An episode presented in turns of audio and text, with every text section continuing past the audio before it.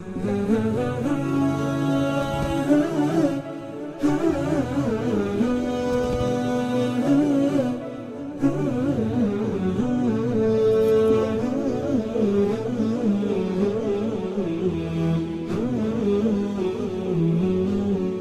الله الرحمن الرحيم الحمد لله رب العالمين وصلى الله وسلم وبارك على سيدنا ونبينا محمد وعلى اله واصحابه اجمعين اللهم علمنا ما ينفعنا وانفعنا بما علمتنا وارزقنا جميعا الإخلاص والسداد في القول والعمل. يا رب العالمين حياكم الله والإخوة والأخوات في هذا اللقاء الرابع عشر بعد المئة من لقاءات التعليق على تفسير الإمام عبد الله بن عمر البيضاوي الشافعي رحمه الله تعالى.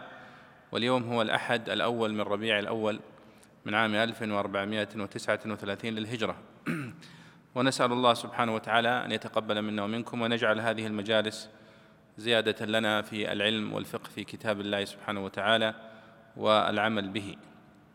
كنا وقفنا عند الآية الثالثة والعشرين من سورة النساء وتحدثنا ربما عن أولها تقريبا وهي عن قوله تعالى حرمت عليكم أمهاتكم وبناتكم وأخواتكم وعماتكم وخالاتكم وبنات الأخ وبنات الأخت وأمهاتكم اللاتي أرضعنكم إلى آخر الآية. وسبقها الآية التي آه، قال الله فيها ولا تنكحوا ما نكح آباؤكم من النساء إلا ما قد سلف إنه كان فاحشة ومقتا وساء سبيلا ثم أكمل المحرمات من النساء فعدد حتى وصل إلى آه، أربعة عشر نوعا. آه، ومع الآية التي قبلها أصبحت المحرمات خمسة عشر. آه، فهل تقرأ يا أحمد تعيد القراءة حتى يعني نستحضر ما تكلمنا عنه في أول الآيات؟ يلا. بسم الله والحمد لله والصلاة والسلام على رسول الله صلى الله عليه وسلم.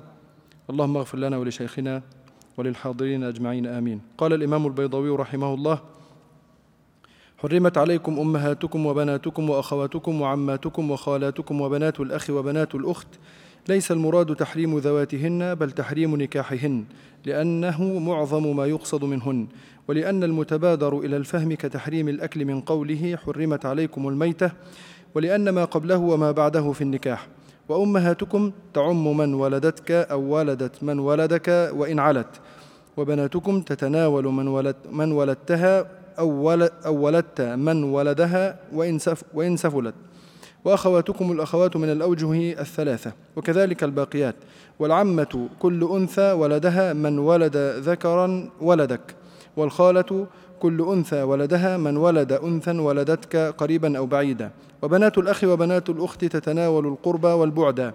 وأمهاتكم اللاتي أرضعنكم أرضعنكم وأخواتكم من الرضاعة نزل الله الرضاعة منزلة النسب حتى سمى المرضعة أما والمرضعة أختا. وأمرها وأمرها على قياس النسب باعتبار, باعتبار المرضعة ووالد الطفل الذي در عليه اللبن. قال عليه الصلاة والسلام يحرم من الرضاع ما يحرم من النسب. واستثناء أخت ابن الرجل وأم أخيه من الرضاع من هذا الأصل ليس بصحيح فإن حرمتهما من النسب بالمصاهرة دون النسب. وأمهات نسائكم وربائبكم اللاتي في حجوركم من نسائكم اللاتي دخلتم بهن ذكر أولا محرمات النسب ثم محرمات الرضعة لأن لها لحمة كلحمة النسب. ثم محرمات المصاهرة فإن تحريمهن عارض لمصلحة الزواج. والربائب جمع ربيبة. والربيب ولد المرأة من آخر سمي به لأنه يربه كما يرب ولده في غالب الأمر. فعيل بمعنى مفعول. وإنما لحقه التاء لأنه صار اسما. ومن, ومن نسائكم متعلق بربائبكم واللاتي بصلتها صفة لها مقيدة لللفظ والحكم بالإجماع قضية, قضية للنظم. ولا يجوز تعليقها بالأمهات أيضا لأن من إذا علقتها بالربائب كانت ابتدائية وإذا علقتها بالأمهات لم يجز ذلك بل وجب أن يكون بيانا لنسائكم. والكلمة الواحدة لا تحمل لا تحمل على معنيين عند جمهور الأدباء. اللهم إذا جعلتها للاتصال كقوله إذا حاولت في أسد فجورا فإني لست منك ولست مني. على معنى أن أمهات النساء وبناتهن متصلات بهن لكن الرسول صلى الله عليه وسلم فرق بينهما فقال في رجل تزوج امرأة وطلقها قبل أن يدخل بها إنه لا بأس أن يتزوج ابنتها ولا يحل له أن يتزوج أمها. وإليه ذهب عامة العلماء عامة العلماء غير أنه روي عن علي رضي الله تعالى عنه تقييد التحريم فيهما. ولا يجوز أن يكون الموصول الثاني أن يكون الموصول الثاني صفة للنساء للنس لن للنسائين لأن عاملهما مختلف وفائدة قوله في حجوركم تقوية العلة وتكميلها. والمعنى أن الربائب إذا دخلتم بأمهاتهن وهن في احتضانكم أو بصدده تقوى الشبهة تقوى الشبه بينها وبين أولادكم وصارت أحقاء بأن أن تجروها أن تجروها مجراهم لا تقييد الحرمة. وإليه ذهب جمهور العلماء. وقد روي عن علي رضي الله تعالى عنه أنه جعله شرطا والأمهات والربائب يتناولان القريبة والبعيدة. يتناولان القريبة والبعيدة. وقوله دخلتم بهن أي دخلتم معهن الستر وهي كناية عن الجماع. ويؤثر في حرمة المصاهرة ما ليس بزنا كالوطء بشبهة أو ملك يمين. وعند أبي حنيفة لمس المنكوحة ونحوه كالدخول. فإن لم تكونوا دخلتم بهن فلا جناح عليكم تصريح بعد إشعار دفعا للقياس. وحلائل أبنائكم زوجات زوجاتهم. سميت الزوجة حليلة لحلها أو لحلولها مع الزوج. الذين من أصلابكم احتراز عن المتبنين لا عن أبناء الولد. وأن تجمعوا بين الأختين في موضع الرفع عطفا على المحرمات. والظاهر أن الحرمة غير مقصورة على النكاح. والظاهر أن الحرمة غير مقصورة على النكاح فإن المحرمات المعدودة كما هي محرمة في النكاح فهي محرمة في ملك اليمين. ولذلك قال عثمان وعلي رضي الله تعالى عنهما حرمته حرمتهما آية وأحلتهما آية. يعنيان هذه الآية. وقوله أو ما ملكت أيمانكم فرجح علي كرم الله وجهه التحريم وعثمان رضي الله عنه التحليل وقول علي أظهر لأن آية التحليل مخصوصة في غير ذلك ولقوله عليه الصلاة والسلام ما اجتمع الحلال والحرام إلا غلب الحرام إلا ما قد سلف استثناء من لازم المعنى أو منقطع معناه لكن ما قد سلف مغفور لكن ما قد سلف مغفور لقوله إن الله كان غفورا رحيما. بارك الله فيك. يقول الله سبحانه وتعالى حرمت عليكم أمهاتكم. لاحظوا أيها الإخوة هذه الآية تعتبر من آيات الأحكام. وآيات الأحكام في القرآن الكريم لم تأتي في موضع واحد ولا في مكان مجموعا آه، أو في مكان مجموع حتى يعني آه، تكون مرتبة على حسب الأبواب الفقهية كما هو في كتب الفقه. وإنما جاءت كتب آيات الأحكام مفرقة في القرآن الكريم. تأتي في القصص وتأتي بينه وتأتي في آه، المتفرقة. ولذلك حتى تستخرج الحكم الواحد يجب أن تجمع الآيات المتناظرة التي تتحدث عن نفس الموضوع حتى تستطيع أن تعرف أول الحكم كيف كان كيف تطور كيف تدرج الحكم إلى أن استقر في آخر أمره. وتذكرون مر علينا في قوله تعالى ما ننسخ من آية أو ننسها في سورة البقرة وأن تتحدث عن النسخ وأن النسخ أكثر ما يكون في الأحكام ولا يكون النسخ في الأخبار. لأن الأحكام هي التي تتدرج مثل تحريم الخمر مثلا مثل المحرمات من النساء هنا مثل آه، فرض الصلاة فرض الصيام فرض الحج تحريم الربا ونحو ذلك. هذه قضايا أحكام شرعية. لاحظوا هنا كيف يعني جاء الحديث عن تحريم المحرمات من النساء. عندما تحدث في الآية التي قبلها تحدث عن أنه لا يجوز عضل المرأة وقلنا أن السورة كلها تتحدث عن حقوق المرأة. وحقوق الضعفاء ويأتي على رأسهم الأيتام والنساء. فتحدث عن عضل النساء وأنه لا يجوز. ثم تحدث عن أنه من أنواع العضل عضل زوجة الأب. ثم تحدث عن نكاح زوجة الأب. ثم تحدث عن المحرمات اللي هم أشد من ذلك وهم الأم. ثم تحدث عن البنت ثم الأخت ثم العمة إلى آخره. فجمعها في هذا الموضع. لاحظوا حرمت. ثم لاحظوا أيضا كيف جاءت الحكم كيف يأتي اللفظ. يعني في آيات الأحكام أيضا صيغ آيات الأحكام التي جاءت بها. في الكتب القانونية أو في القوانين الموجودة اليوم أو يعني القوانين الوضعية بصفة عامة لها صيغة محددة. أنه يمنع يحرم يعني لها صيغة محددة ومتكررة. لكن في القرآن الكريم آيات الأحكام لا تأتي بصيغ مختلفة كثيرة جدا. منها هذه الصيغة حرمت عليكم. فيأتي بصيغة المبني للمجهول بصيغة التحريم حرمت عليكم أحل لكم. من هو الذي حرم ومن هو الذي أحل؟ هو الله سبحانه وتعالى. لكنه آه، بني الفعل للمجهول إشارة لأن المحرم واحد سبحانه وتعالى.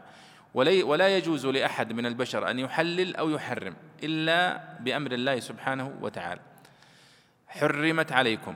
لاحظوا مثلا من ضمن الصيغ التي تأتي في القرآن الكريم آه ولله على الناس حج البيت. ولله على الناس. هذه صيغة إيجاب. كتب عليكم القصاص. كتب عليكم الصيام. كتب عليكم القتال. وأيضا هذه صيغة من صيغ الفرض والوجوب. آه وأقيموا الصلاة. وآتوا الزكاة. هذا بصيغة الفعل فعل الأمر. لينفق ذو سعة من سعته بصيغة الفعل المضارع الذي تسبقه لام الأمر. وإلى آخره من الصيغ التي وردت في في الأحكام وكيف تفرض الأحكام. مثلا ذلك بأنهم قالوا إنما البيع مثل الربا. قال الله وأحل الله البيع وحرم الربا. وهذه نادرة يعني في في القرآن الكريم أنه يأتي أحل كذا وحرم كذا إلا في هذا الموضع. أحل وأحل الله البيع وحرم الربا. هنا قال حرمت عليكم أمهاتكم. البيضاوي قال ليس المراد تحريم ذواتهن بل تحريم نكاحهن لأنه معظم ما يقصد منهن ولأنه المتبادر إلى الفهم كتحريم الأكل من قوله حرمت عليكم الميتة ولأن ما قبله وما بعده في النكاح. إذا قوله حرمت عليكم أمهاتكم المفهوم أنه حرم عليكم نكاح أمهاتكم. لأنه لا يحرم عليك أن أن تصافح أمك لا يحرم عليك أن تقبلها لا يحرم عليك أن تجلس معها وتسمعها. وإنما المحرم المقصود هنا النكاح. قال لماذا؟ قال لأن السياق الذي يتحدث عنه قال قبلها ولا تنكحوا ما نكح آباؤكم. فالحديث عن النكاح هنا وتحريمه. ولأنه المتبادر إلى الذهن كما يقول. وطبعا هذه أيها الإخوة طريقة فهم الكلام. يعني كيف تفهم أنت أنه يقول حرمت عليكم؟ حرم ماذا؟ أكلها؟ مجالستها؟ نكاحها؟ قال لا المقصود هو النكاح. لماذا؟ قال لأن السياق الذي قبلها يتحدث عن تحريم النكاح. وهكذا يفهم الكلام وهكذا ينبغي دائما يفهم الكلام أن يراعى فيه السياق الذي آه، يدور حوله. قال وأمهاتكم تعم من ولدتك أو ولدت من ولدك وإن علت. يعني قوله حرمت عليكم أمهاتكم تشمل أمك المباشرة وتشمل جدتك التي ولدت والدك وتج وتشمل والدته والدتها التي ولدت من ولد والد وهكذا.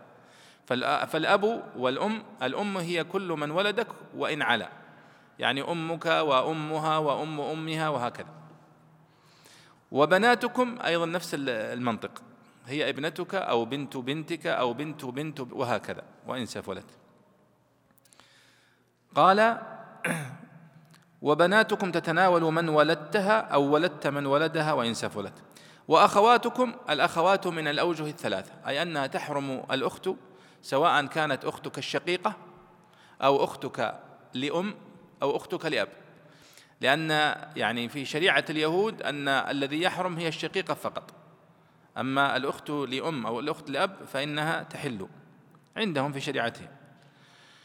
وكذلك الباقيات يعني يقصد البيضاوي عماتكم سواء كانت أخت أبيك الشقيقة أو أخته لأم أو أخته لأب وهكذا. أو وخالاتكم نفس القضية الأخت أخت أمك إذا كانت شقيقة أو أخت لأم لأم أو أخت لأب. قال والعمة كل أنثى ولدها من ولد ذكرا ولدك. يعني قاعدة يعني كل أنثى ولدها من ولد والدك. عمتك أخت والدك. لكن شوفوا الوصف يعني كل أنثى ولدها من ولد ذكرا ولدك.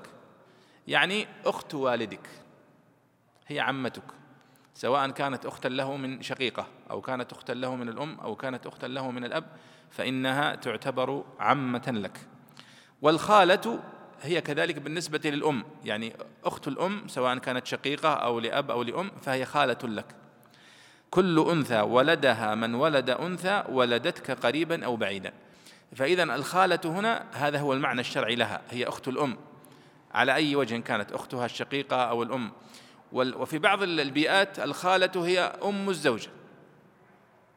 وليست أخت الأم. يسمونها خالة. لكن المعنى الشرعي للخالة هو أخت الأم. كما في هذه الآية. وبنات الأخ وبنات الأخت تتناول القربى والبعد.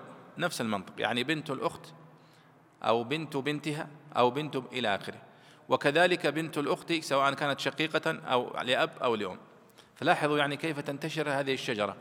يعني ومن الجميل في مثل هذه الآية عندما ترسم شجرة المحرمات.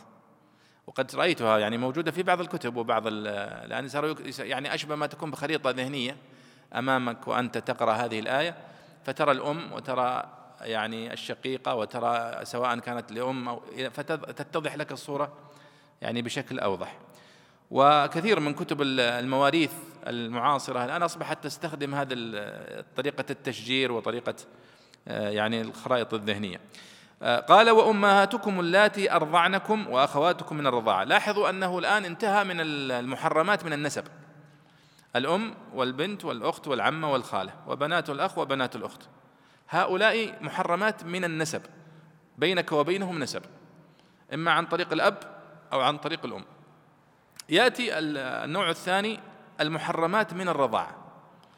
فقال وأمهاتكم اللاتي أرضعنكم وأخواتكم من الرضاعة. وقد قال النبي صلى الله عليه وسلم يحرم من الرضاعة ما يحرم من النسب. فذكر أيضا المرأة التي ترضعك أو آه، أختها أو بنتها يعني أختك من الرضاعة. ثم قال البيضاوي هنا واستثناء أخت ابن الرجل وأم أخيه من الرضاع من هذا الأصل ليس بصحيح فإن حرمتهما من النسب بالمصاهرة دون النسب. يعني الآن لو آه، أرضعت امرأة ابنا لأحدنا فهل هذه المرأة التي أرضعت ابنه وعندها أخت يعني عندها بنت أخرى تصبح محرمة على هذا الرجل لأنها أصبحت أختا لابنه من الرضاعة أو أختا لبنته. فالبيضاوي يرى أنها لا تدخل تحت الرضاعة وإنما هي ليست من المحرمات وإنما تحرم بالمصاهرة عندما يعني آه، يكون سبب المصاهرة وليس الرضاعة طيب ثم انتقل الآن إلى الربيبة. فقال وأمهات نسائكم هذه آه، تحرم بالمصاهرة. يعني النوع الثالث المحرمات بالمصاهرة. ولذلك آه، يعني وهذه هي أسباب يعني من أسباب المواريث. النكاح والنسب والولاء. هنا في الزواج أو في المحرمات إما محرمة بالنسب أو محرمة بالرضاع أو محرمة بالمصاهرة. المصاهرة يعني الزواج والنكاح. فأم الزوجة تحرم على الرجل. وربائبكم اللاتي في حجوركم من نسائكم اللاتي دخلتم بهن. يعني البنت بنت زوجتك من رجل آخر. هذه محرمة عليك. سواء كانت تربت في بيتك أو تربت في غيره. لكن الله هنا قال وربائبكم إشارة إلى أن الغالب من بنات الزوجات أنهم يتربون في بيت الزوج الثاني يعني. فسماهن ربائب. ولذلك قال هنا والربائب جمع ربيبة والربيب ولد المرأة من آخر سمي به لأنه يربه. أيضا ابن الزوجة إذا كان من رجل آخر فيسمى ربيبا لكن لا علاقة له هنا طبعا بالمحرمات لأنه يتحدث عن المحرمات من النساء.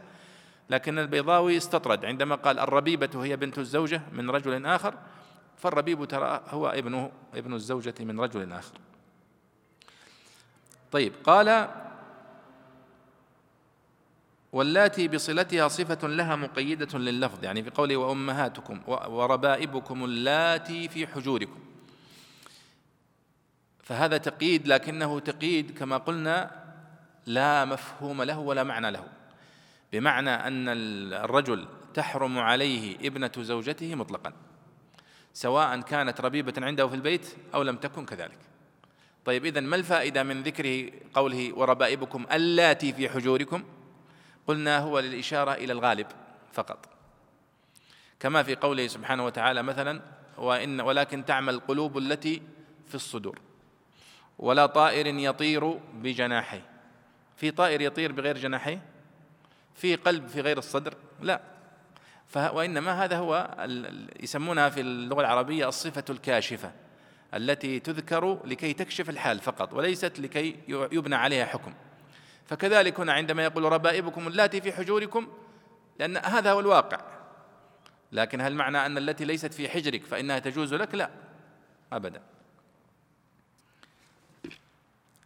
قال ولا يجوز تعليقها. طبعا هو يتحدث الآن في قضية نحوية في قوله من نسائكم اللاتي دخلتم بهن وربائبكم اللاتي في حجوركم من نسائكم. من هنا؟ ما هو معناها؟ فقال هنا إنها معلقة بالأمهات وأمهاتكم وربائبكم اللاتي في آه، حجوركم من نسائكم اللاتي دخلتم بهن. لا يجوز تعليقها بالأمهات لأنها منفصلة هناك طبعا. وقال آه، وإذا علقتها بالأمهات لم يجوز ذلك بل وجب أن يكون بيانا لنسائكم. والكلمة الواحدة لا تحمل على معنيين. يعني الآن في الآية لاحظوا عندما يريد أن يحللها فيقول من هنا في قوله من نسائكم. على ماذا تعود؟ هل هي تعود على ربائبكم ولا تعود على نسائكم التي قبلها؟ فلاحظوا هنا وأمهات نسائكم هذه انتهت صح؟ هذا محرمة بشكل مستقل وهي أم الزوجة ثم ابتدأ محرما آخر قال وربائبكم اللاتي في حجوركم من نسائكم فإذا من هنا هي بيانية للربيبة وليست للأمهات طبعا هو يشرح ذلك ويقول أنه لا يجوز أن تعلق حرف المعنى الواحد أن يعلق بمعنيين متباعدين. واستشهد على ذلك بقوله النابغة الذبياني إذا حاولت في أسد فجورا فإني لست منك ولست مني. وإن المقصود بها في البيت هنا مجرد الاتصال. لست منك ولست مني. منك ومني هنا المقصود بها الاتصال فقط وليس المقصود بها البيان. وهذا هو الذي يعني تدل عليه في الآية. فيقول على معنى أن أمهات النساء وبناتهن متصلات بهن. لكن الرسول صلى الله عليه وسلم فرق بينهما فقال في رجل تزوج امرأة وطلقها قبل أن يدخل بها إنه لا بأس أن يتزوج ابنتها ولا يحل له أن يتزوج أمها. وإليه ذهب عامة العلماء. يعني أن العقد يحرم الأم ولا يحرم البنت. يعني إذا عقدت على امرأة عقدا فإن أمها تصبح محرمة عليك. لكن بنتها لا تحرم عليك إلا إذا دخلت بهذه بأمها فقط. وهذه واضحة. قال البيضاوي وفائدة قوله في حجوركم تقوية العلة وتكميلها. يعني نفس المعنى اللي قبل شوية اللي ذكرناه وهو ونساء وربائبكم اللاتي في حجوركم. هو يعني تقوية علة تحريمها. لأنك إذا قلت وربائبكم اللاتي في حجوركم يعني معناها أنها زي بنتك بالضبط. يعني عايشة معك في البيت كيف تتزوجها؟ فهو لهذا الغرض يعني. وأيضا قد يكون فيها من معاني أيضا حث الأزواج على الإحسان إلى بنات زوجاتهم ومعاملتهم كما يعاملون بناتهم. طيب ولذلك قال والمعنى أن الربائب إذا دخلتم بأمهاتهن وهن في احتضانكم أو بصدده تقوى الشبه تقوي الشبه بينها وبين أولادكم وصارت أحقاء بأن تجروها مجراهم لا تقييد الحرمة. وإليه ذهب جمهور العلماء. وقد روي عن علي رضي الله تعالى عنه أنه جعله شرطا والأمهات والربائب يتناولان القريبة والبعيد.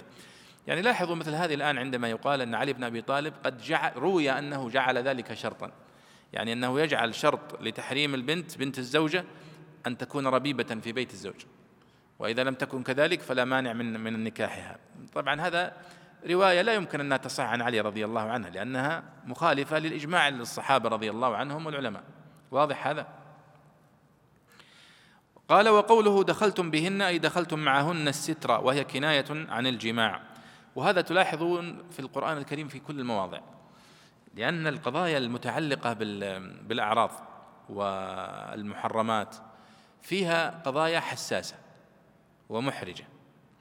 مثل قضية مثلا النكاح ما يتعلق به وجماع الزوجة وكيف تحرم ومتى تحرم و... هذه قضايا يقع الحرج في الحديث عنها. لكنها في غاية الأهمية. ولا يمكن أنك تغفل التربية يعني التربية الجنسية للمجتمع. كيف يتعامل الرجل مع المرأة مع الزوجة ما آه، متى تحرم متى تحل كل هذه القضايا فيها قضايا حساسة. إن تركتها وقع المجتمع في المحذورات. وإن تكلمت عنها بتصريح آه، وقع هناك جرح للذوق و ولكن القرآن الكريم والسنة النبوية قد وقع فيها الحديث عن هذا الموضوع مع الكناية والأدب. ولذلك تلاحظون مثلا في قوله آه، يسألونك عن المحيض. قل هو أذى. فاعتزلوا النساء, في المحيض. ولا تقربوهن حتى يطهرن.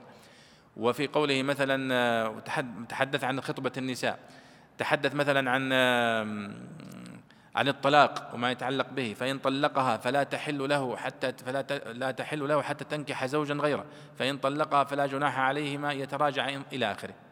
ومثل هذه الآية عندما يقول الله سبحانه وتعالى فإن لم تكونوا دخلتم بهن.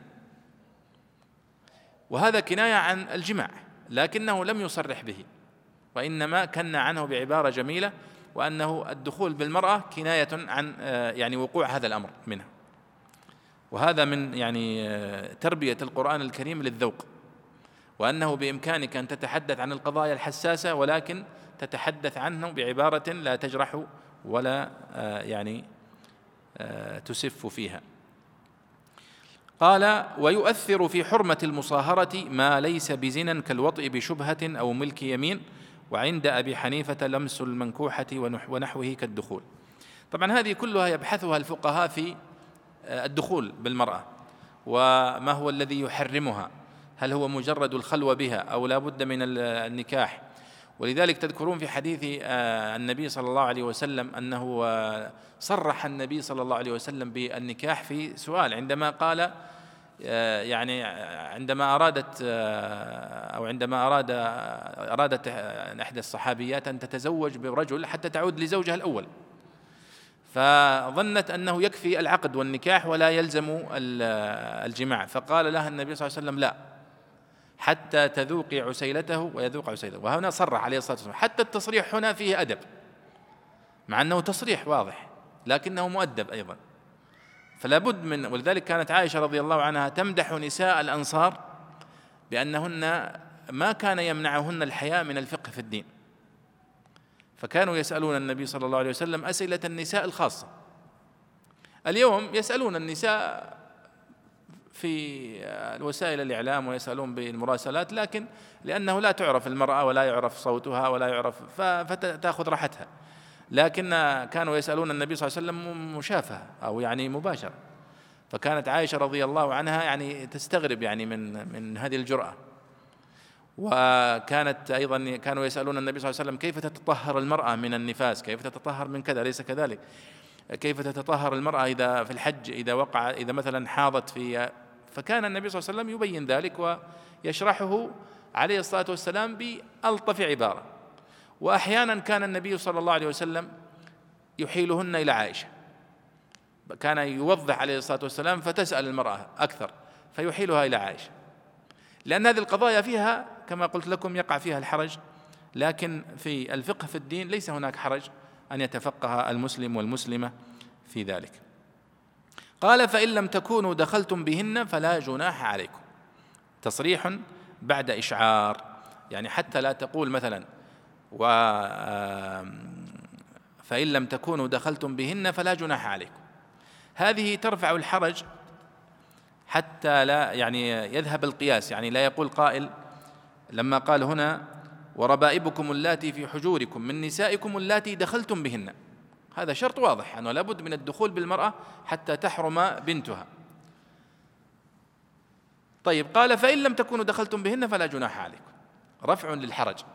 حتى لا يقول قائل أنه حتى لو لم أدخل بالمرأة فإنه قد يكون في شبهة في بنتها. قال الله لا فإن لم تكونوا دخلتم بهن فلا جناح عليكم فيجوز لكم نكاح بناتها. طيب قال وحلائل أبنائكم هذه محرمات أيضا زوجة الإبن. لكن تلاحظون أنه في في الإسلام كان في أول الإسلام يدعى المتبنى ابنا للرجل. النبي صلى الله عليه وسلم كان متبنيا لزيد بن حارثة. فجاء الإسلام وألغى هذا التبني أليس كذلك؟ وقال ادعوهم لآبائهم. فأصبح يقال له زيد بن حارثة. إذا ما زالت هذه يعني ال العادة يعني موجودة ومترسخة في المجتمع فأراد الله أن يبين أن المقصود بحلائل الأبناء ليس حلائل الأبناء مطلقا. يعني الإبن والإبن من المتبني. قال لا وحلائل أبنائكم الذين من أصلابكم. حتى يذهب من الذهن الابن الذي أخذ بالتبني أو نحو ذلك. وإنما ابن الرجل الذي من صلبه هو زوجته هي التي تحرم عليه. سميت الزوجة حليلة عندما قال وحلائل أبنائكم لأنها تحل له. أقال أو لحلولها مع الزوج. وأن تجمعوا بين الأختين. أيضا هذه من المحرمات أن يجمع الرجل بين الأخ الزوجة وأختها. والسنة النبوية قد أضافت ماذا؟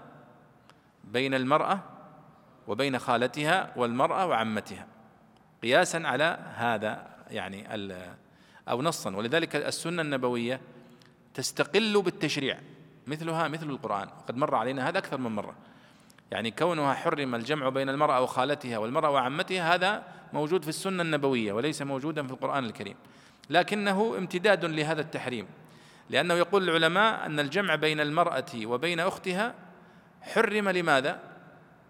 ليس فيه شبهة وليس فيه نسب لا وإنما التحريم هنا حفاظا على الرحم لأن العادة أن المرأة لا تحب ضرتها التي تكون يعني شريكة لها في زوجها فإذا كانت هذه الشريكة أختها وقع من ذلك قطيعة رحم بينها وبين أختها لكن إذا تزوج الرجل امرأة بعيدة عنها تتحمل و فكذلك أيضا تحرم أن يجمع الرجل بين المرأة وعمتها لنفس العلة وكذلك بين المرأة وخالتها لنفس العلة وهي حتى لا يقع يعني قطيعة رحم.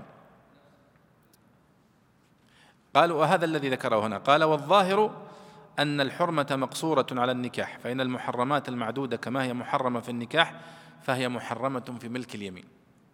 نعم. فهو قاس أيضا ليس فقط الأحرار وإنما حتى في ملك اليمين. ولذلك قال عثمان رضي الله عنه هذه مسألة خلافية وقع الخلاف فيها بين الصحابة. منهم من يرى أنه لا يجوز الجمع بين الأختين حتى في ملك اليمين. ومنهم من يرى عدم آه، أنه ليس هناك مشكلة في ذلك. علي بن أبي طالب رضي الله عنهما كان يرى الحرمة وعثمان كان يرى الحل. كان يقول أحلتهما آية وحرمتهما آية لأن التي أحلتهما أو ما ملكت أيمانكم عامة ولم يدخل في التفاصيل والتي حرمتهما خاصة هنا. فلذلك يقول البيضاوي وقول علي أظهر في التحريم لأن آية التحليل مخصوصة في غير ذلك. ولقوله عليه الصلاة والسلام ما اجتمع الحلال والحرام إلا غلب الحرام قال العراقي لا أصل لهذا الحديث والبيضاوي رحمه الله يعني بضاعته في الحديث وسط. يعني ليس يعني متقنا في الحديث ولذلك وقع في تفسيره الكثير من الاستشهاد بالأحاديث الضعيفة وربما الموضوعة التي ذكرناها لكم في فضائل الآيات خصوصا. متاثرا في ذلك بأزكى الشاف للزمخشري والثعلبي الذين رووا هذا الحديث. قال إلا ما قد سلف. استثناء من لازم المعنى. إن الله كان غفورا رحيما. تذكرون أنه قال في الآية التي قبلها ولا تنكحوا ما نكح آباؤكم من النساء إلا ما قد سلف. وهنا أيضا قال حرمت عليكم و و و إلا ما قد سلف. فمعنى الآيات أنه ما قد وقع منكم من ارتكاب لمثل هذا الحرام قبل هذه الآية فمعفو عنه. ومن كان يعني يعني متزوجا وحدى هذه المحرمات حتى نزول الآية فليفارقها. وعفى الله عما سلف. وهذا هو مقتضى العدل الإلهي والرحمة أنه لا يؤاخذ العبد حتى يبلغه العلم ويبلغ وتقام عليه الحجة. بل حتى الله قال وما كنا معذبين حتى نبعث رسولا. ومعنى نبعث رسولا أي رسولا يبين ويوضح ويقيم الحجة. بل حتى لو بعث رسولا لم يبين لما قامت الحجة. ولذلك معنى حتى نبعث رسولا أي نبعث رسولا يبين ويقيم الحجة حتى تصبح واضحة وحتى يصبح اختيار المرء للإسلام أو للكفر على بينة وبناء عليه يتحمل النتيجة التي سوف يعني يؤول إليها. وهذا مقتضى يعني العدل الإلهي. ثم قال الله إن الله كان غفورا رحيما. إشارة إلى أن يعني فتح لباب التوبة لمن وقع منه ارتكاب لشيء من هذه المحظورات والمحرمات. وتعرفون أن العرب في الجاهلية كان يعني يعني كانوا في جاهلية جهلاء ووقع عندهم كثير من التفريط وبعض هذه القضايا ما كانت يعني موجودة ولا يعرفونها من قبل. فكان بعضهم يتزوج قد يتزوج كما قلنا زوجة أبيه قد يتزوج آه، أخته. ربما يتزوج آه، ابنة ابنة ابنته.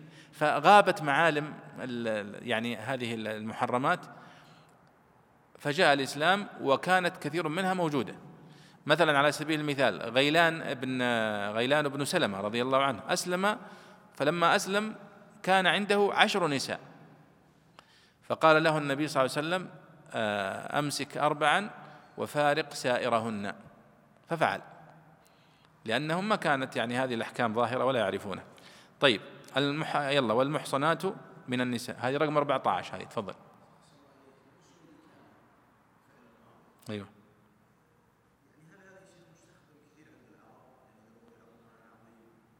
وكان الله غفورا رحيما. هذه تحدثنا عنها كثيرا في الدروس الماضية وقلنا أن كان هنا ناقصة والمقصود بها هنا أنه كان ولا يزال.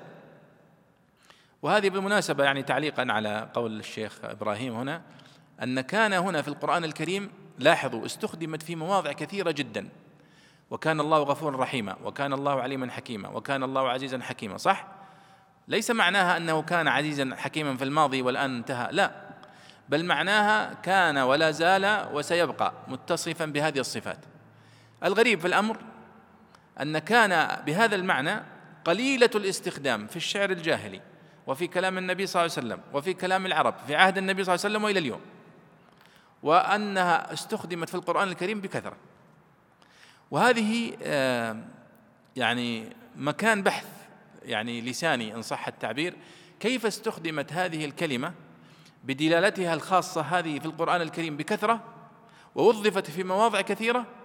ولم تستخدم في كلام النبي صلى الله عليه وسلم ولا في كلام العرب؟ وبالرغم من ذلك فهمها العرب على وجهها هذا. الذي وردت في القرآن الكريم به. هذا طبعا من دلائل كون هذا القرآن الكريم هو كلام الله وليس كلام النبي صلى الله عليه وسلم. لأنه لم يستخدمها النبي صلى الله عليه وسلم في كلامه ولم تستخدمها العرب. ولكن استخدمها الله. ونظائرها كثيرة بالمناسبة في القرآن الكريم. يعني مثلا استخدام الاسم الموصول في القرآن الكريم بكثرة. وربما أشرنا إليه في بعض الجلسات. يعني الاسم الموصول أيضا هو مثل هذه الكلمة. استخدامه بكثرة.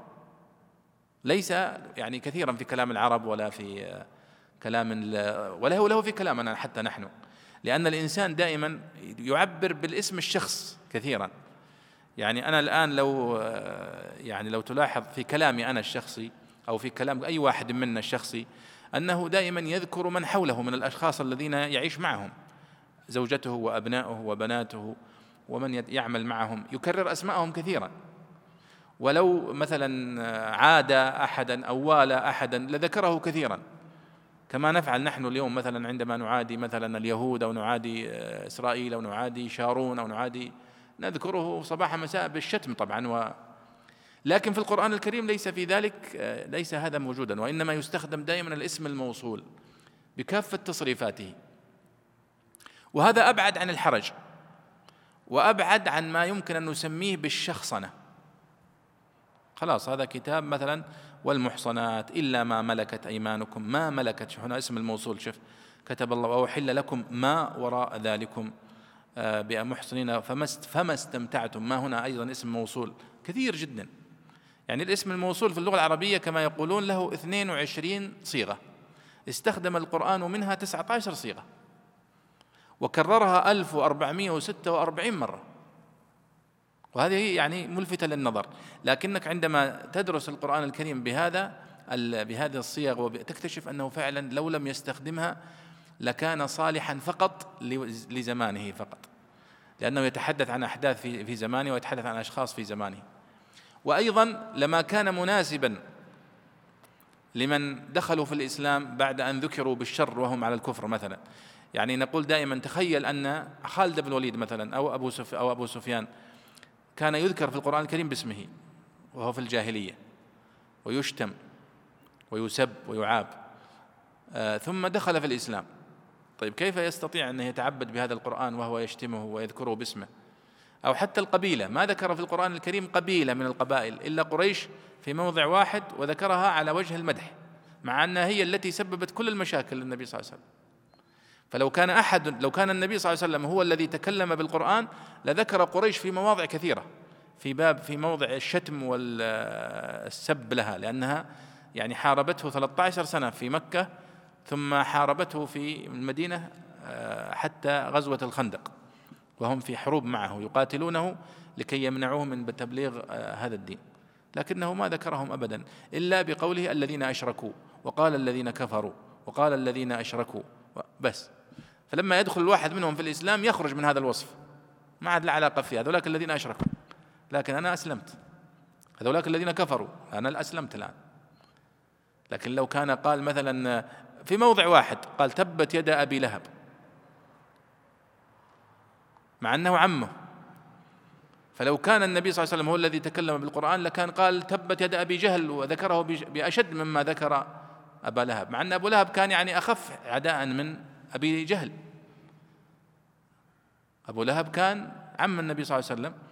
أبو جهل كان هو يعني أشد عداوة للنبي صلى الله عليه وسلم وكان هو متزعم لهذا. وبالرغم من ذلك لم يذكره القرآن باسمه أبدا.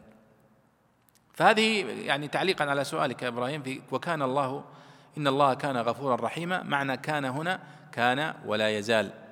وقد ذكرنا طبعا في إحدى المحاضرات آه، أقسام كان في القرآن الكريم. والناقصة والتامة وكيف استخدمت الناقصة بهذا الأسلوب وبهذه الطريقة في القرآن الكريم آه، في مواضع كثيرة وانفردت بذلك. طيب والمحصنات من النساء يعني وحرمت عليكم المحصنات من النساء، نعم. قال رحمه الله: والمحصنات من النساء ذوات الأزواج أحصنهن التزويج أو الأزواج وقرأ الكسائي بكسر الصاد في جميع القرآن لأنهن أحصن فروجهن إلا ما ملكت أيمانكم يريد ما ملكت أيمانكم من اللاتي سبين ولهن أزواج كفار فهن حلال للسابين. والنكاح مرتفع بالسبي لقول أبي سعيد رضي الله تعالى عنه أصبنا سبايا يوم أوطاس. صحيح شيخ؟ أصبنا سبايا يوم أوطاس ولهن أزواج كفار. فكرهنا أن نقع عليهن فسألنا النبي صلى الله عليه وسلم فنزلت الآية فاستحللناهن وإياه عنا الفرزدق بقوله وذات خليل أنكحتها أنكحتها رماحنا حلال لمن, لمن يبني بها لم تطلقي.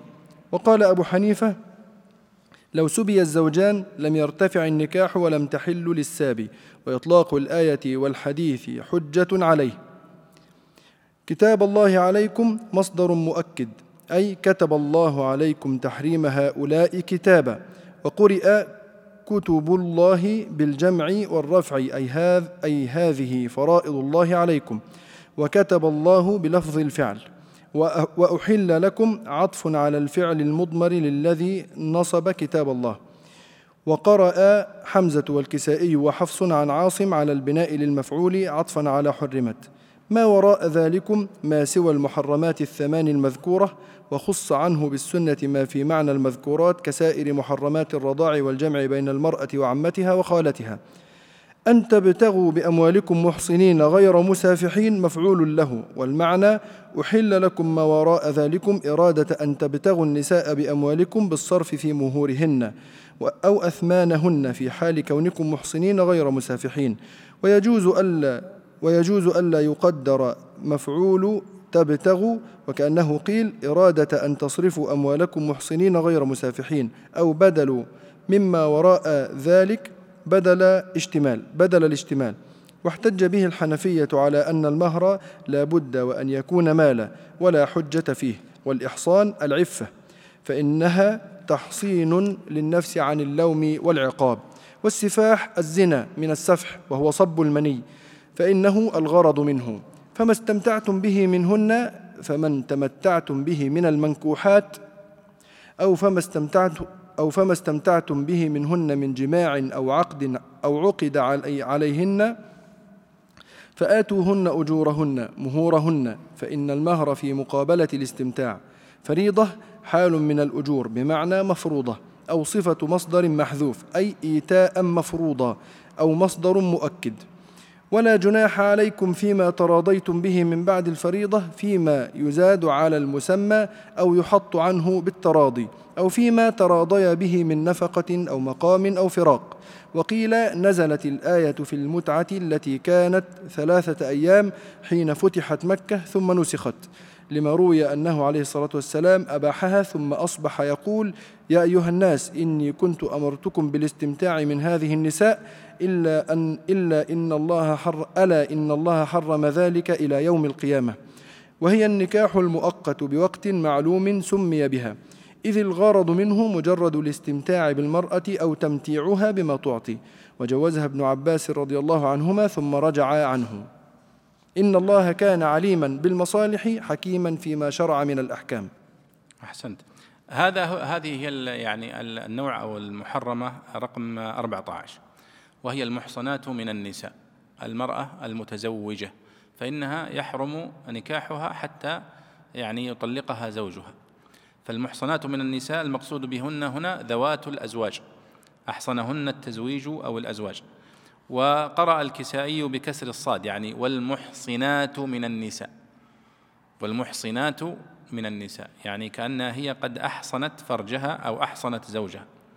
طيب هنا آه، في القرآن الكريم تلاحظون آه، أنه يأتي التعبير بالمحصنات والمقصود بها مختلف.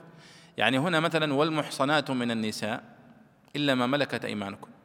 يعني وحرمت عليكم المحصنات من النساء إلا ما ملكت أيمانكم. فهذا معناه ذوات الأزواج. يعني المحصنة هنا ذوات الأزواج. طيب آه قال الله سبحانه وتعالى في آية أخرى آه آه والمحصنات من الذين أوتوا الكتاب حل لكم. المحصنات يعني العفيفات. العفيفات. وقال الله سبحانه وتعالى والذين يرمون المحصنات المؤمنات. فالمحصنات هنا قالوا هم العفيفات المؤمنات العفيفات الغافلات. فإذا المحصنات في القرآن الكريم لها أكثر من معنى والسياق هو الذي يحدد هل المحصنة هنا المقصود بها ذات الزوج أو المقصود المحصنة العفيفة المرأة العفيفة. وتلاحظون أن معنى الإحصان فيه معنى الحفظ والصيانة. كأن الزواج والنكاح والعفاف أشبه ما يكون بالحصن الذي يحمي من بداخله. طيب قال إلا ما ملكت أيمانكم. يريد ما ملكت أيمانكم من اللاتي سبين ولهن أزواج كفار فهن حلال للسابين. وإذا يعني غنم أو سبى المسلمون آه، زوجات أو أو نساء آه، في الحرب من غير المسلمين المسلمين فإن هذا السبي يحل هذه المسبية ولو كانت متزوجة. مجرد أن يسبيها تصبح حلالا له ولا يشترط أن يطلقها زوجها الأول حتى تحله. ولذلك هو ذكر هنا قال أن النكاح مرتفع بالسبي. لقول أبي سعيد رضي الله تعالى عنه الخدري أصبنا سبايا يوم أوطاس ولهن أزواج كفار. فكرهنا أن نقع عليهن فسألنا النبي صلى الله عليه وسلم فنزلت الآية هذه يعني فاستحللناهن. وأوطاس منطقة بين مكة والطائف يعني تقريبا قريبة الآن من يعني يسمونها وادي السيل الكبير. يعني على طريق السيل الكبير أن طالع الطائف منطقة أوطاس وهناك منطقة بني سعد التي رضع فيها النبي صلى الله عليه وسلم. وهي اليوم يعني تقريبا هي بلاد الثبتة من عتيبة الثبيتي الثبيتي العتيبي من تلك المنطقة من بني سعد. قال وإياه عن الفرزدق بقوله وذات حليل أنكحتها رماحنا حلال لمن يبني بها لم تطلق. يعني لاحظوا الآن كيف يفهم الشعر. يعني الفرزدق يقول يعني أننا هزمناهم وسبينا نساءهم بس. لكنه عبر عن ذلك بتعبير إنسان فقيه. فقال وذات رماح وذات خليل. يعني ذات زوج أنكحتها رماحنا. يعني الذي زوجنا إياها هو أننا غلبناهم في الحرب. حلال لمن يبني بها مع أنها لم تطلق من زوجها الأول. فهذا البيت لا يستطيع أن يفهمه إلا من يفهم الآية. وبالمناسبة يعني مثل الفرزدق وجرير والمتنبي وهؤلاء الكبار هم فقهاء وشعراء وعلماء وليسوا مجرد شعراء يعني يقولون الأبيات وليس لديهم فقه وليس لا لديهم فقه. والذي يقرأ منكم في ديوان الفرزدق وفي ديوان أبي تمام خصوصا يجد علما أكثر مما يجد من يعني الصور والأدب. وقال أبو حنيفة لو سبي الزوجان لم يرتفع النكاح ولم تحل للسابي. يعني لو وقع في السبي المرأة وزوجها في الأسرى فهل تحل زوجته وهو موجود معها؟ أبو حنيفة يقول لا تحل زوجها معها في, الأسر ويقول البيضاوي هنا وإطلاق الآية والحديث حجة عليه. يعني أنه أنها تحل حتى لو كان زوجها في الأسر. ثم قال كتاب الله عليكم يعني مصدر مؤكد أي كتب الله عليكم ذلك كتابا.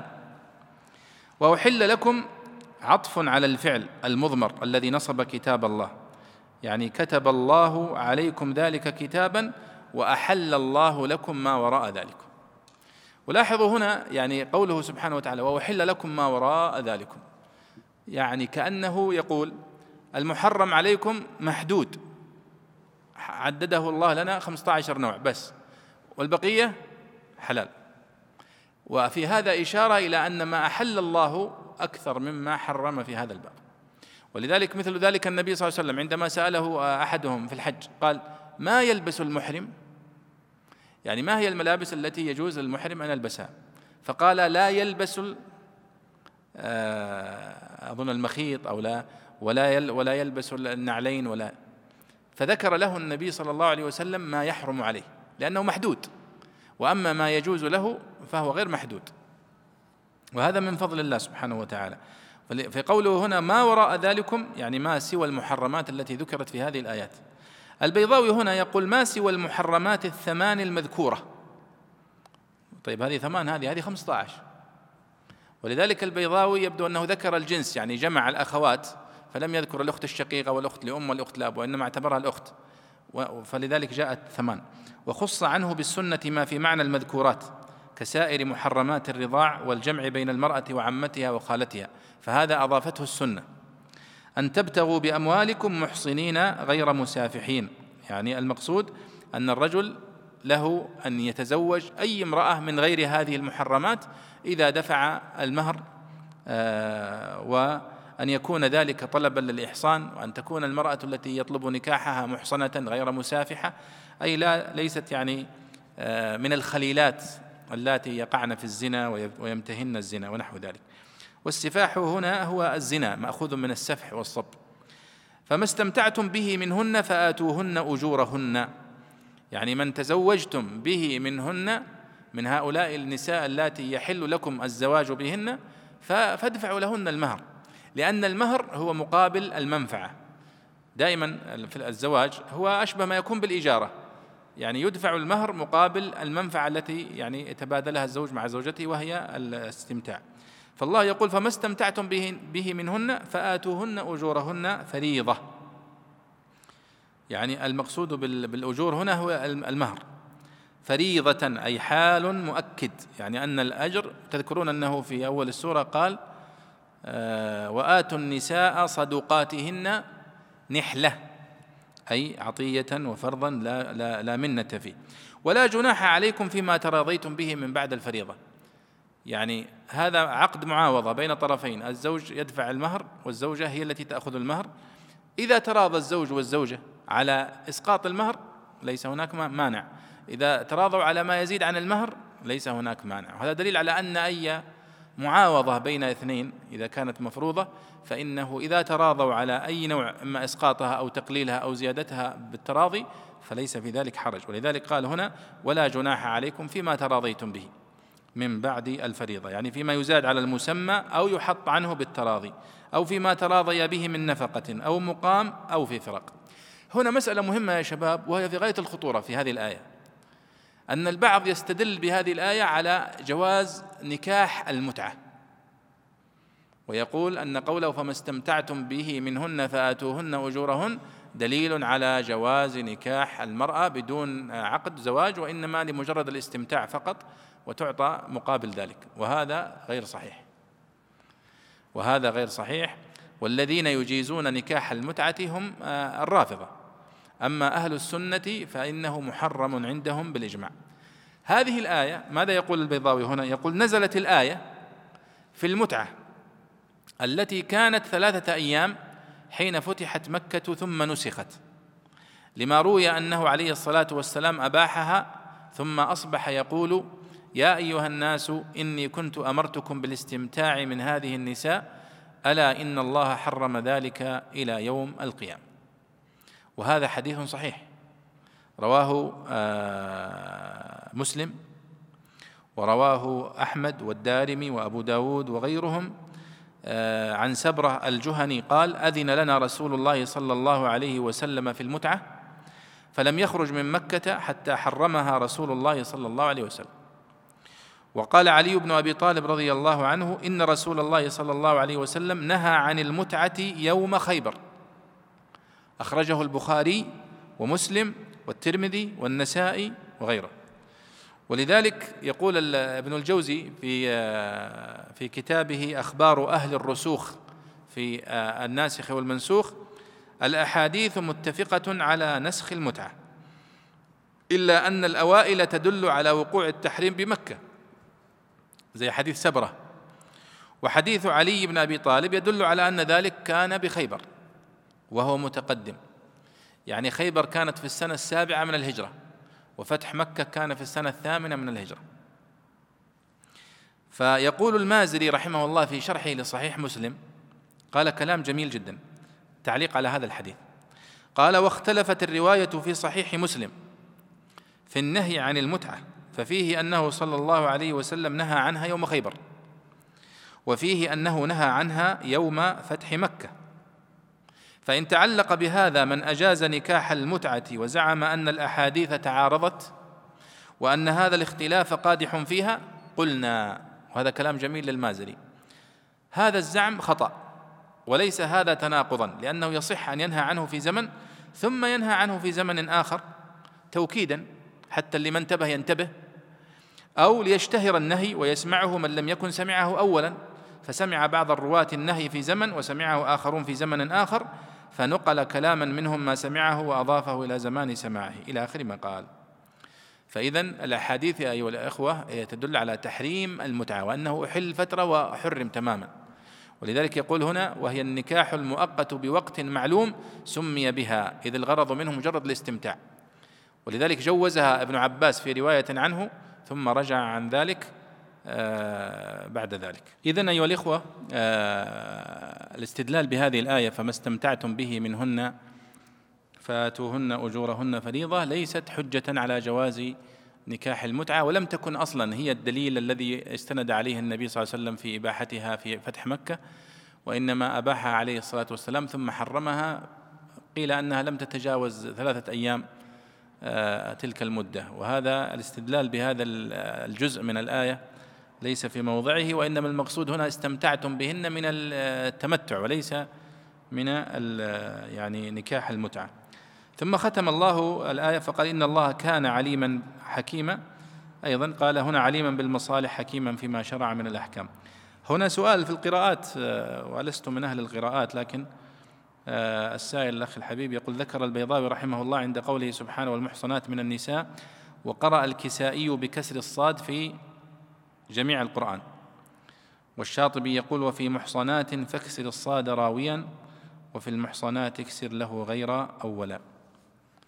فكأنه والله أعلم آه، يعني محصنات بدون ألف ولام آه، على الإطلاق. وفي محصنات فاكسر الصاد. ها؟ آه، لعل الدكتور يزيد يفيدنا هنا. وفي محصنات فكس الكسائي كيف يقرأها؟ في كل المواضع؟ بس. والمحصنات؟ بالألف واللام. آه جميل. طيب وقوله هنا وفي المحصنات تكسر له غير أول. وش معناها؟ غير أول آه غير الموضع الأول. جميل جميل. أحسنت. الله يفتح عليك. الدكتور يزيد هو متخصص زميلنا في القراءات فهو أعلم. طيب آه ومن لم يستطع منكم طولا؟ تفضل يا أحمد. قال رحمه الله ومن لم يستطع منكم طولا غنى واعتلاء وأصله الفضل والزيادة أن ينكح المحصنات المؤمنات في موضع النصب بطولا أو بفعل مقدر مقدر صفة له أي ومن لم يستطع منكم أن يعتلي نكاح المحصنات أو من لم يستطع منكم غنى يبلغ يبلغ به نكاح المحصنات يعني الحرائر. لقوله فمما ملكت أيمانكم من فتياتكم المؤمنات يعني الإماء المؤمنات. فظاهر الآية حجة للشافعي رضي الله تعالى عنه في تحريم نكاح الأمة على من ملك على من ملك ما يجعله صداق حرة. ومنع نكاح الأمة الكتابية مطلقا. وأول أبو حنيفة رحمه الله رحمه الله تعالى طول المحصنات بأن يملك فراشهن. على أن النكاح هو الوطء وحمل قوله من فتياتكم المؤمنات على الأفضل. كما حمل عليه في قوله المحصنات المؤمنات. ومن أصحابنا من حمله أيضا على التقييد وجوز نكاح الأمة لمن قدر على الحرة الكتابية دون المؤمنة حذرا من عن مخالطة الكفار وموالاتهم. والمحذور في نكاح الأمة رق الولد وما فيه من المهانة ونقصان حق الزوج. والله أعلم بإيمانكم فاكتفوا بظاهر الإيمان فإنه العالم بالسرائر وبتفاضل ما بينكم في الإيمان. فرب أمة تفضل الحرة فيه. ومن حقكم أن تعتبروا فضل الإيمان لا فضل النسب. والمراد تأنيسهم بنكاح الإماء ومنعهم عن, عن الاستنكاف منه. ويؤيده بعضكم من بعض. أنتم وأرقاؤكم متناسبون. نسبكم من آدم ودينكم الإسلام. فانكحوهن بإذن أهلهن يريد أربابهن واعتبار إذنهم مطلقا لا إشعار لا, لا إشعار له على أن لهن أن يباشرن العقد بأنفسهم حتى يحتج به الحنفية. وآتوهن أجورهن أي أدوا إليهن مهورهن بإذن أهلهن فحذف ذلك لتقدم ذكره. أو إلى مواليهن فحذف المضاف للعلم بأن المهر للسيد لأنه عوض حقه فيجب أن يؤدى إليه. وقال مالك رضي الله عنه المهر للأمة ذهابا إلى الظاهر بالمعروف بغير مطل أو إضرار ونقصان. محصنات عفائف غير مسافحات غير مجاهرات بالسفاح ولا متخذات أخدان أخلاء في السر. فإذا أحصن بالتزويج قرأ أبو بكر وحمزة بفتح الهمزة والصاد والباقون بضم الهمزة وكسر الصاد. فإن أتين بفاحشة زنا فعليهن نصف ما على المحصنات يعني الحرائر من العذاب من الحد لقوله تعالى وليشهد عذابهما طائفة من المؤمنين وهو يدل على أن حد العبد نصف حد الحر وأنه لا يرجم لأن الرجم لا ينتصف. ذلك أي نكاح الإماء لمن خشي العنة منكم لمن خاف الوقوع في الزنا وهو في الأصل انكسار العظم بعد الجبر مستعار لكل مشقة وضرر ولا ضرر أعظم من مواقعة الإثم بأفحش القبائح. وقيل المراد به الحد وهذا شرط آخر لنكاح الإماء. وأن تصبروا خير لكم أي وصبركم عن نكاح الإماء متعففين خير لكم. قال عليه الصلاة والسلام الحرائر صلاح البيت والإماء هلاكه. والله غفور لمن يصبر رحيم بأن رخص له بأن رخص له. نعم. يعني الله سبحانه وتعالى بعد أن ذكر المحرمات من النساء ذكر هنا أمرا وهو نكاح الإماء. والإماء كانوا عند العرب يعني آه، في في مستوى أقل من الحرة. ولذلك يأنف العربي أنه يتزوج الأمة. فالله سبحانه وتعالى هنا فتح بابا آخر لمن ليس لا يملك المهر أو ليس لديه القدرة المالية أنه يتزوج حرة فيجوز له أن يتزوج الأمة. فقال هنا ومن لم يستطع منكم طولا أن ينكح المحصنات المؤمنات فمما ملكت أيمانكم من فتياتكم المؤمنات. قبل شوية قلنا المحصنات العفائف والمحصنات ذوات الأزواج وهذا المحصنات بمعنى الحرة يعني الحرات. فإذا أيضا من معاني المحصنة الحرة يعني وضدها الأمة. ومن لم يستطع منكم طولا طولا الطول هو الغنى والسعة في المال. آه كما في سورة آه أولو الطول منهم وقالوا ذرنا نكن مع القاعدين ها؟ ذو الطول يعني الطول هو الغنى. وقوله ومن لم يستطع منكم طولا يعني من لم يستطع منكم آه، ماديا عنده قدرة مادية أنه يتزوج المحصنات الحرات. آه، فمما ملكت أيمانكم من فتياتكم المؤمنات يعني فليتزوج أمة من الإماء المؤمنات. ظاهر الآية يقول البيضاوي حجة للشافعي في تحريم نكاح الأمة على من ملك ما يجعله صداقة حرة. يعني ظاهر الآية يدل على أنه لا يجوز لمن يملك المهر أن يتزوج امرأة حرة أن يتزوج أمة. الشافعي يستدل بهذه الآية. ومنع نكاح الأمة الكتابية مطلقا. لا يجوز أن تأخذ أن تتزوج يعني أمة كتابية لأنه قال هنا من فتياتكم المؤمنات. فنص على الإيمان. وأول أبو حنيفة رحمه الله تعالى طول المحصنات بأن يملك فراشهن على أن النكاح هو الوطء وحمل قوله من فتياتكم المؤمنات على التفضيل. يعني الأفضل أن يتزوج فتاة مؤمنة وليس واجبا. ومن أصحابنا من حمله أيضا على التقييد وجوز نكاح الأمة لمن قدر على الحرة دون المؤمنة حذرا عن مخالطة الكفار. طبعا ذكرنا مرارا يعني ومن أصحابنا يعني عندما يقول البيضاوي ومن أصحابنا أي يقصد الشافعية لأن البيضاوي شافعي المذهب. وتلاحظون هنا كيف يناقش مذهب الشافعي يذكر مذهب أبي حنيفة يرد عليه يرد على اختياراته وعلى الإمام مالك. فهو أيضا اذا هذا من منهج البيضاوي في في آيات الأحكام خصوصا أنه ينص على اختيار الشافعي في في هذه المسائل الفقهية. قال والله أعلم بإيمانكم. طبعا هنا يقول أن الله فتح الباب للمؤمنين أن يتزوجوا الاماء عند الضرورة أو عند الحاجة. ذلك ومن لم يستطع منكم طولا أن ينكح المحصنات المؤمنات فمما ملكت أيمانكم كأنه على سبيل الرخصة والتيسير. البيضاوي هنا يقول والمحذور في نكاح الأمة رق الولد وما فيه من المهانة ونقصان حق الزوج. لأن إذا تزوجت أمة فمعنى ذلك أن ابنها سوف يكون رقيقا لأنه يتبع أمه في العبودية والرق. ثانيا أنه آه، هي مملوكة لسيدها. فإذا هي سوف تتفرغ لخدمة سيدها. لو سافر سافرت معه. لو أمرها بالامت فيعني حق الزوج فيها ناقص منقوص. لأنها ليست تحت يعني إدارته مئة بالمئة وإنما تحت إدارة سيدها.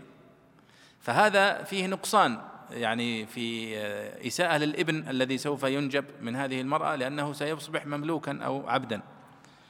ولذلك رخص الله على وجه الضرورة وليس على وجه يعني الإباحة المطلقة. قال والله أعلم بإيمانكم. قال فاكتفوا بظاهر الإيمان.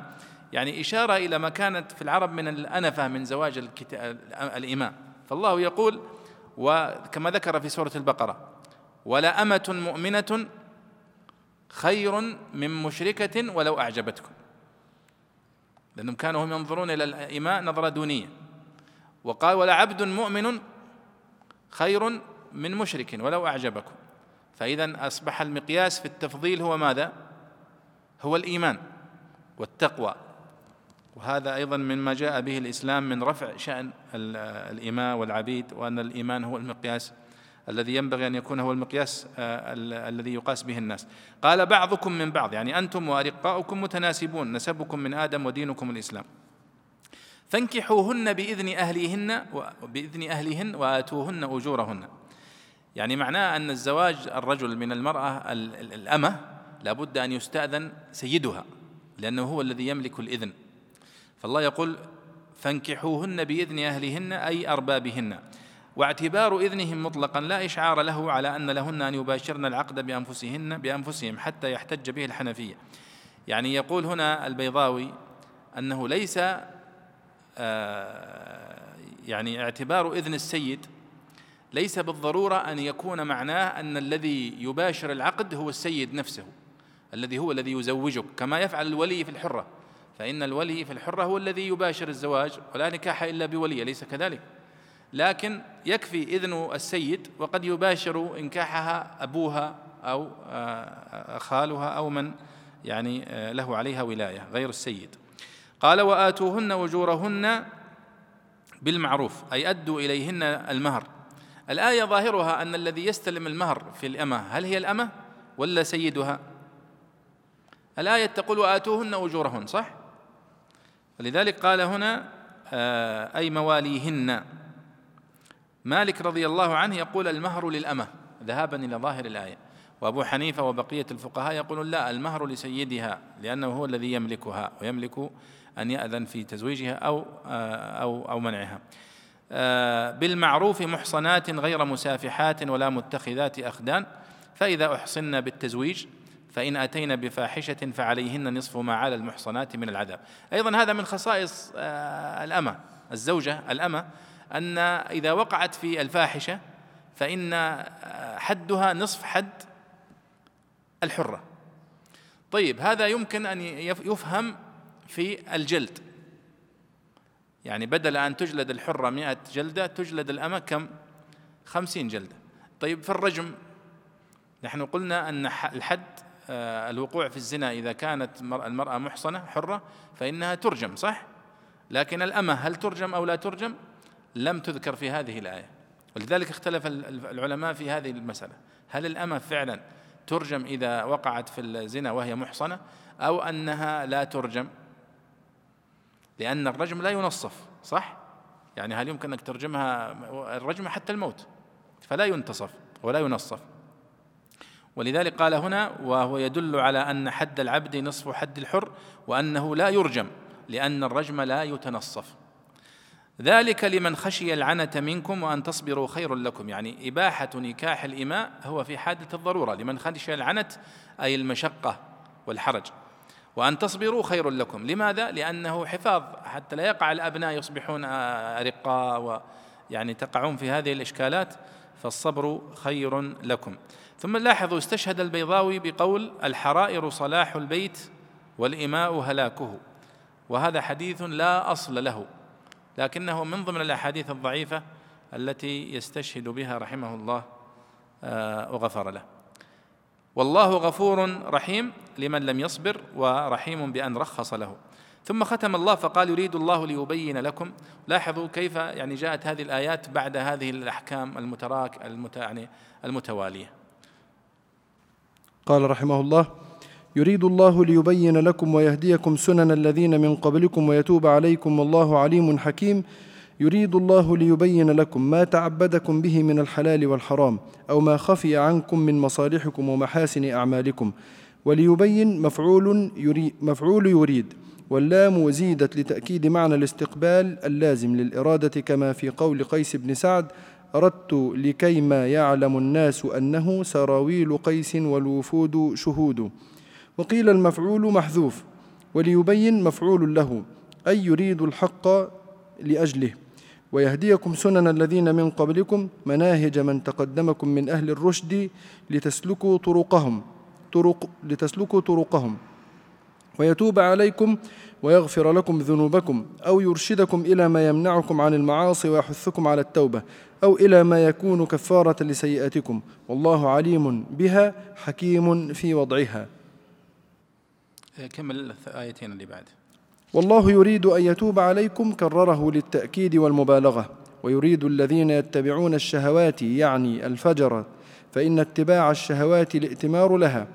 وأما المتعاطي لما سوغه الشرع منها دون غيره فهو متبع له في الحقيقة لا لها. وقيل المجوس وقيل اليهود فإنهم يحلون الأخوات من الأب وبنات الأخ وبنات الأخت. أن تميلوا عن الحق بموافقتهم على اتباع الشهوات واستحلال المحرمات ميلا عظيما بالإضافة إلى ميل من اقترف خطيئة على ندور غير مستحل لها. يريد الله أن يخفف عنكم فلذلك شرع, شرع لكم الشرعة الحنيفية السمحة السهلة ورخص لكم في المضايق كإحلال نكاح الأمة. وخلق الإنسان ضعيفا لا يصبر عن الشهوات ولا, يحت ولا يتحمل مشاق الطاعات. وعن ابن عباس رضي الله تعالى عنهما ثمان آيات في سورة النساء. هن خير لهذه الأمة مما طلعت عليه الشمس وغربت.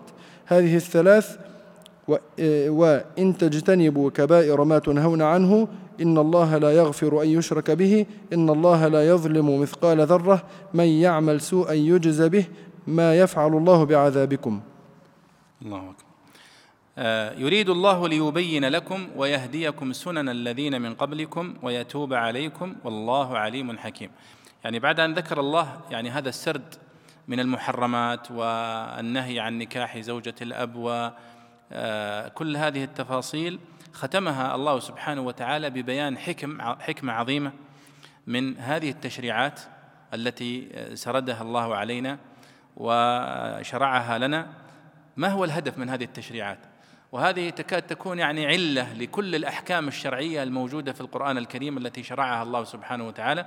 فيقول الله يريد الله ليبين لكم يعني إرادة شرعية.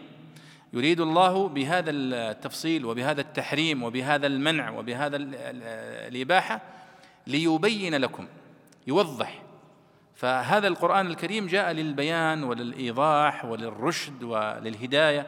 كما ذكر الله في أول سورة الفاتحة اهدنا الصراط المستقيم وكما ذكر في أول سورة البقرة ألف لام ميم ذلك الكتاب لا ريب فيه هدى للمتقين. فالقرآن هو هداية وبيان.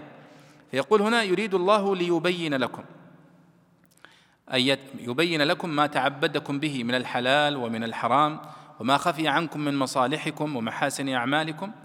قال ويهديكم سنن الذين من قبلكم. بمعنى الهداية هي الوضوح والبيان من ويهديكم سنن الذين من قبلكم سنن الذين من قبلكم أي مناهج الذين سبقوكم من أهل الرشد من الأنبياء وأتباع الأنبياء عليهم الصلاة والسلام. لماذا؟ لكي نتبع طريقتهم. قال ويتوب عليكم. لاحظ ليبين لكم ويهديكم سنن الذين من قبلكم ويتوب عليكم. والله عليم حكيم. فالمعنى التوبة هنا أي المغفرة لكم ولذنوبكم وإرشادكم إلى ما يمنعكم عن المعاصي وما تكفر به سيئاتكم والله عليم حكيم. عليم بما يناسبكم وما يصلح لكم حكيم بما يرشدكم إليه وما يمنعكم منه. لأنه قد يتبادر إلى الذهن أن الله حرم عليكم أمهاتكم وبناتكم لكي يشق عليكم أو لكي يحرجكم. لا وإنما فعل ذلك لكي يبين لكم ويهديكم سنن الذين من قبلكم ويتوب عليكم. لاحظوا هذه الآية الأولى. ثم الآية الثانية قال والله يريد أن يتوب عليكم. فكررها. قال في الآية الأولى والله ويتوب عليكم. وقال في الآية التي بعدها والله يريد أن يتوب عليكم. للتأكيد والمبالغة هنا. ويريد الذين يتبعون الشهوات أن تميلوا ميلا عظيما. لأن الذين يتبعون الشهوات يريدون أن تبقى هذه ال- المحرمات التي ذكرها الله مختلطة.